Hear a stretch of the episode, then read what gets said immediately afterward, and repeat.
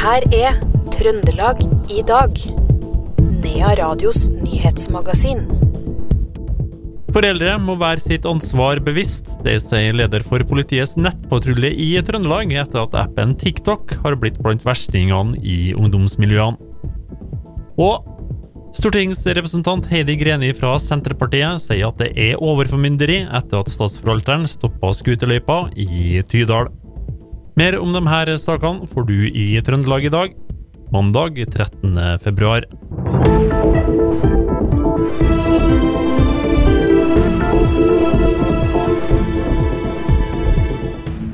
Først skal vi til internett. Fordi den populære appen TikTok er ikke bare en hodepine for politikere med dårlig dømmekraft. Ifølge politiet er den blant verstingene i ungdomsmiljøene knytta til mobbing, uthenging av lærere, deling av voldsvideoer og omsetning av nakenbilder av barn helt nede i barneskolealder. Politiets nettpatrulje melder om en økning av saker knytta til ungdom og internett.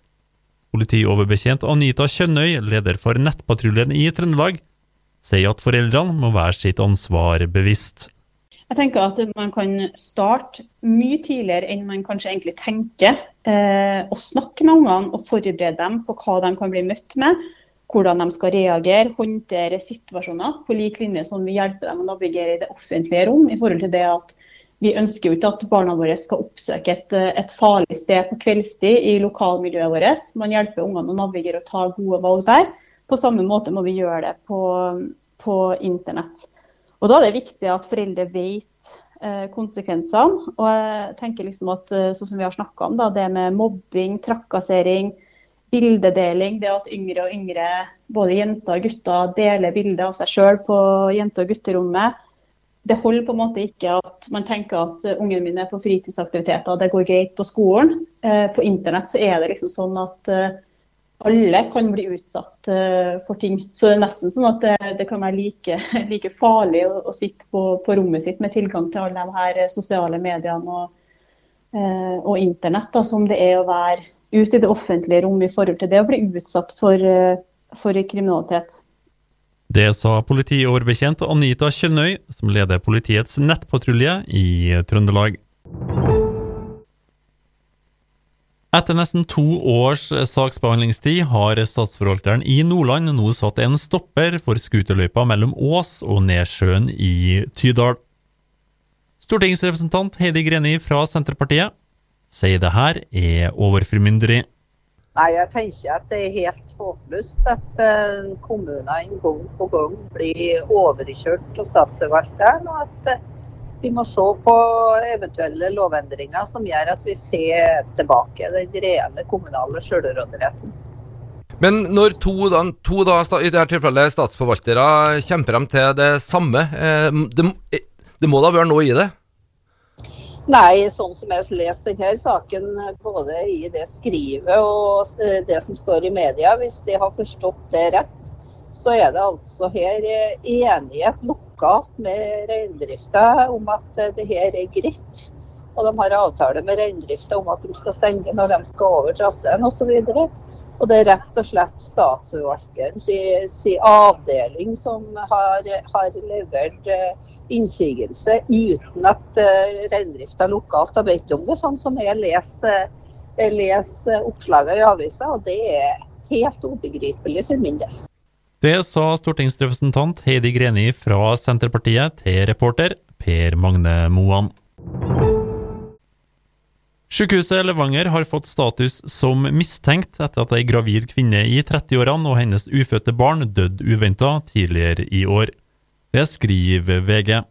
Påtaleansvarlig politiadvokat Malin Borg sier til avisa at basert på den informasjonen politiet har per nå, etterforsker de hvorvidt avdøde har mottatt forsvarlig helsehjelp, dvs. Si hvorvidt det foreligger overtredelse av helsepersonelloven paragraf 4, sier hun. Den gravide kvinna og hennes ufødte barn døde uventa på Levanger sykehus i slutten av januar. Både politiet og Helsetilsynet ble varsla om hendelsen.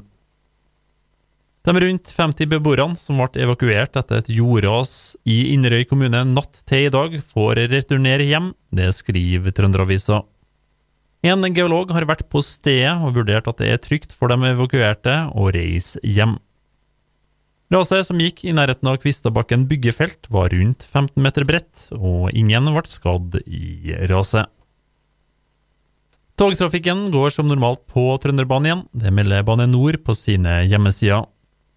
Tidligere i dag var jernbanen stengt mellom Skatval og Åsen pga. mye nedbør i sporet. Så skal vi over til politiloggen. En person er sendt til sykehus etter en kollisjon på E14 mellom ei gravemaskin og en personbil. Ulykka skjedde ved veidekket i Stjørdal, melder politiet. Totalt tre personer var involvert i ulykka. Skadeomfanget er ukjent på den ene skadde personen. En person er død etter ei ulykke i Grilstadtunnelen i Trondheim natt til mandag. Det skriver NRK Trøndelag. Tunnelen ble stengt i flere timer etter ulykka. Det førte til store problemer i morgensrushet inn mot byen i dag tidlig. På Fosen var fire biler involvert i en kjedekollisjon på fv. 710 ved Lærbern i Ørland. Ulykka skal ha skjedd da en av bilene kjørte på et dyr. Ingen personer skal være skadd, opplyser politiet. Så skal vi over til andre nyheter. Han har vært hotellsjef i staten New York i USA og hovmester ved Britannia i Trondheim.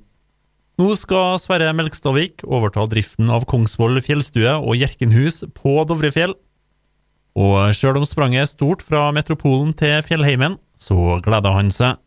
Så da jeg så stillinga på Kongsvoll, det er jo Kongsvoll som, som kanskje frister mest. Uh, som har all den historien og all den vakre naturen og uh, altså alt det som det bærer med seg, så, så var det egentlig en no-brainer for min del. Og å søke på den stillinga. Så var jeg så heldig at jeg fikk den, og da, da, må, jeg jo, da må jeg jo gripe sjansen med begge hendene når jeg får den. Mm -hmm. har du noen relasjon, forhold til Kongsvoll fjellstue fra før, da? Uh, ja. Uh, jeg har jo vært der som, som ungdom, skal jeg si. Eller som barn. Uh, vært innom og, og spist og, og, sånt noe. Så har jeg jo naturligvis, som mange andre, kjørt forbi en hel drøss med ganger. og må jeg kanskje prøve å sørge for at folk kjører forbi litt mindre og kjører innom litt mer. Ja. Jeg er jo litt spent på å høre Melsavik, hvordan du vil sette preg på, på, drifta her. Vi har fått tips om at du sjøl er en ivrig grønnsaksdyrker, og det er jo Kongsvoll er jo kjent for spesielle vekster, da? Ja. Eh, nei, jeg må, jo, jeg må jo få se hva det er som er tilgjengelig. Jeg vet jo at det er en urthage der oppe, blant annet. og nå er jo grønnsakene én ting, og, og proteinet noe annet. Det er jo villreinen en masse, så uh, det blir definitivt en spennende meny. Men uh, nøyaktig hva den menyen er, er det for tidlig å si noe om ennå. Det sa den nye sjefen på Kongsvoll fjellstue og Hjerkenhus på Dovrefjell, Sverre Melkstovik og han ble intervjua av Per Ole Aalberg fra Radio E6. Så skal vi over til kultur. HV i Åren skal denne uka feire ti år, og det er massevis av ulike arrangement som skal foregå. Et av dem her er EA-gjengens splitter nye revy, som har premiere på torsdag. Nea Radio var innom øving søndag kveld og fikk en prat med regissør Ingunn Tronsmed. Å, det er så gøy. Og bare det at eh, jeg ble spurt.